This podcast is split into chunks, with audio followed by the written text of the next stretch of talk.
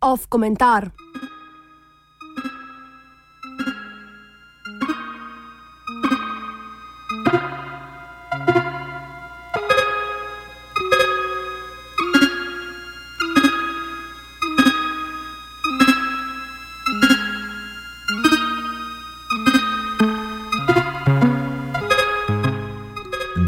In gospodska solidarnost.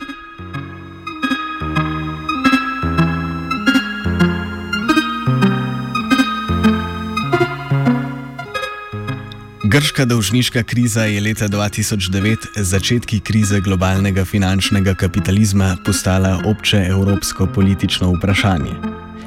Ni bilo nacionalnega medija, ki ne bi tedensko poročal o aktualnem dogajanju v Atenah, in paket posojil, ki so ga prispevali nacionalni proračuni, je dal še dodaten zagon ljudskemu in predvsem medijskemu angažmaju, da prebudi notranjega inšpektorja in opre svoje čuječe oko nad razsipno Grčijo.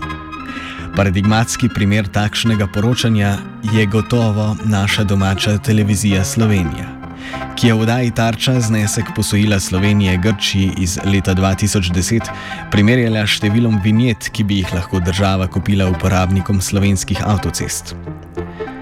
Da pomirimo vašo inšpekcijsko bit, vrli matematiki televizije Slovenije so izračunali, da bi ta znesek pokril vrednost vinjet za dve leti. Če damo takšno poročanje ob bok moralnemu diskurzu o dožnosti Grčije stranke modernega centra, se zdi, da politična linija, ki jo podrepniško vodi slovenska elita in medijsko poročanje, v zadnjih mesecih še nikoli nista bila tako popolno usklajena.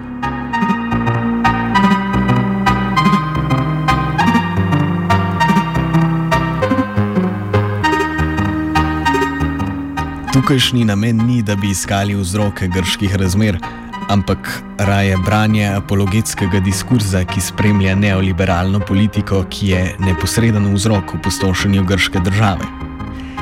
V začetnih dnevih, ko je Grčija postala stvar evropskega zanimanja, se je v občem diskurzu pojavila banalna raz razlaga razmer, ki je vzroke pojasnjevala z lenostjo grškega naroda. Da je grški delavec len, tako pri delu kot pri plačevanju davkov, je podoba, ki je za trenutek zaokrožila po zdravem razumu evropskega življa. Ta podoba je dokaj hitro naletela na protiargument, ki je postregel s podatki, da povprečen grški delavec v resnici dela celo več kot njegov nemški sotrpin. Obtožbi nemoralnosti je tako hitro sledila bizarna apologija, ki je greh Lenobe skušala odvrniti na način, da je skušala slikati drugačno podobo Grka, ki je resnično delaven po evropskem vzoru. Protiargument je ostal znotraj istega moralističnega diskurzivnega polja kot očitek Lenobe, ko je za svoj ideal prevzel delavnost.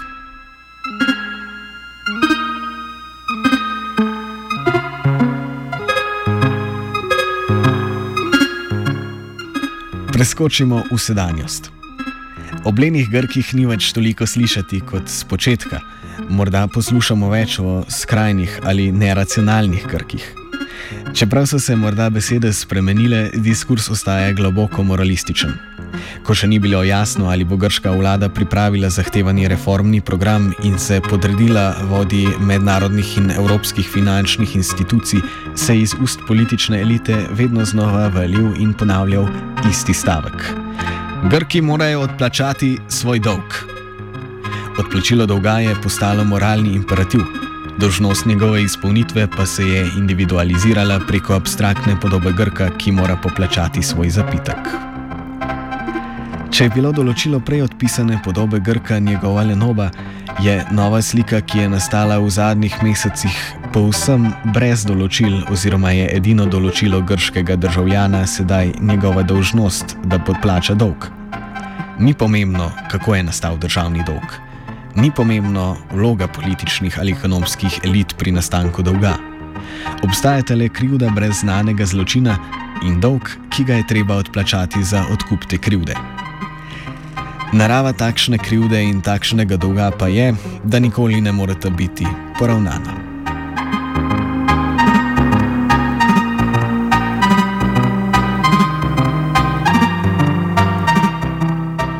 Takšna podoba človeka, ki sta mu neznana krivda in neporavnani dolg esencialna, ima povsem jasno pragmatično funkcijo v ideološki apologiji neoliberalne politike, kot jo uveljavlja Evropska unija in bolj ali manj nacionalne politične elite. Za občo podobo Grka, čigar dolžnost in krivda se skrivata v abstraktni dimenziji dolga, ki prekriva realnost nacionalnega do dolga, je mogoče z neznosno lahkostjo spregledati družbene razmere v Grčiji in uvajati neoliberalni reformni program. Povsem nepomembno dejstvo je, da je raven grške nezaposlenosti na ravni 25 odstotkov, nezaposlenost med mladimi pa dosega raven 53 odstotkov. 73 odstotkov tistih, ki so bili v letu 2014 brez zaposlitve, pa je sedaj brez dela že več kot leto dni. Prav tako skoraj polovico grških upokojencev živi pod pragom revščine, vendar dejanskost je za nas zgolj malenkost. Pomembno je zgolj to, da je Grk kriv in prav je, da poplača svoj dolg.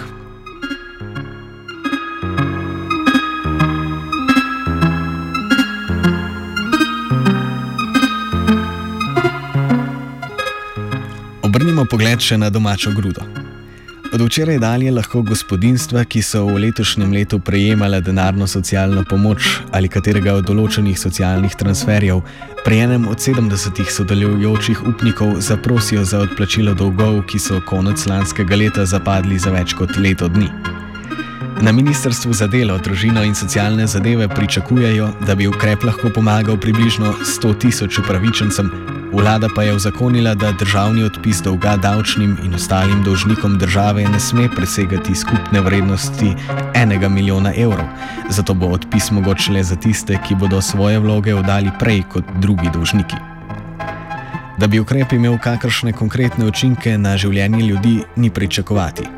Takšna gesta odpisa je zgolj simbolna, znak solidarnosti, kot to pravi naj, najvrlejši izmed vrlih, premije Miro Cerar.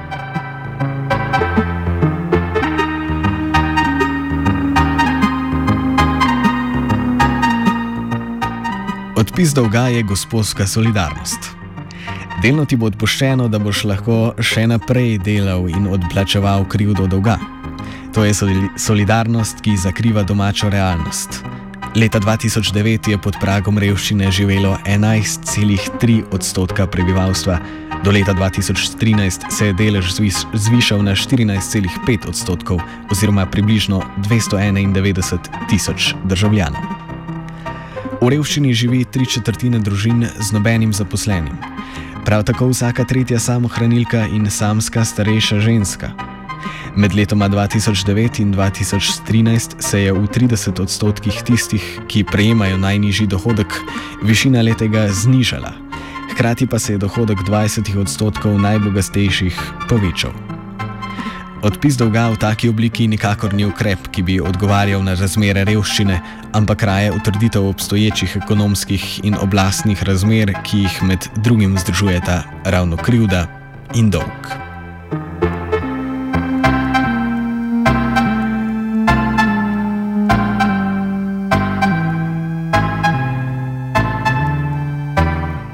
Komentiral je Jošt. Oh. Oh. Oh.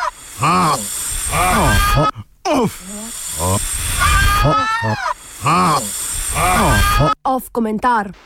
502.